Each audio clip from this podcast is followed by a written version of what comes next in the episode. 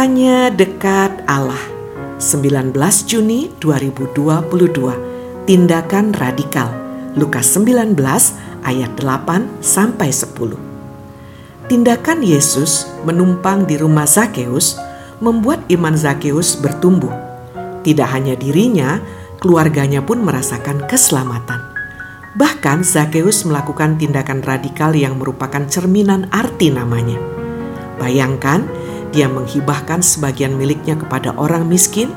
Dengan kata lain, kekayaannya akan berkurang setengah secara sekejap. Tak hanya itu, dia juga bersedia mengembalikan empat kali lipat kepada orang yang pernah diperasnya. Itu berarti sekiranya tidak jatuh melarat, bisa diduga dia akan kembali menjadi orang biasa, bahkan bisa menjadi miskin.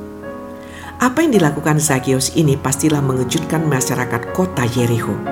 Mungkin banyak orang yang merasa sayang jika Zakius sungguh-sungguh melakukan hal tersebut. Apa yang dilakukannya memang melampaui bayangan banyak orang. Namun demikian, tindakan Zakeus yang tak terbayangkan oleh orang sejamannya hanyalah akibat dari perjumpaannya dengan Yesus. Sakeus melakukannya karena dia juga heran menyaksikan apa yang Yesus lakukan bagi dirinya. Yang dilakukan Yesus juga melampaui apa yang dibayangkannya. Mulanya Sakeus hanya ingin melihat Yesus, namun yang dia dapat lebih dari semuanya itu. Yesus malah merasa harus menumpang di rumahnya. Sakeus bukan hanya bisa melihat Yesus, tetapi malah bercakap-cakap dan menjamu Yesus. Apa yang Yesus lakukan jauh dari bayangan Sakeus. Tak heran, sebagai balasannya, dia pun melakukan lebih jauh dari bayangan manusia.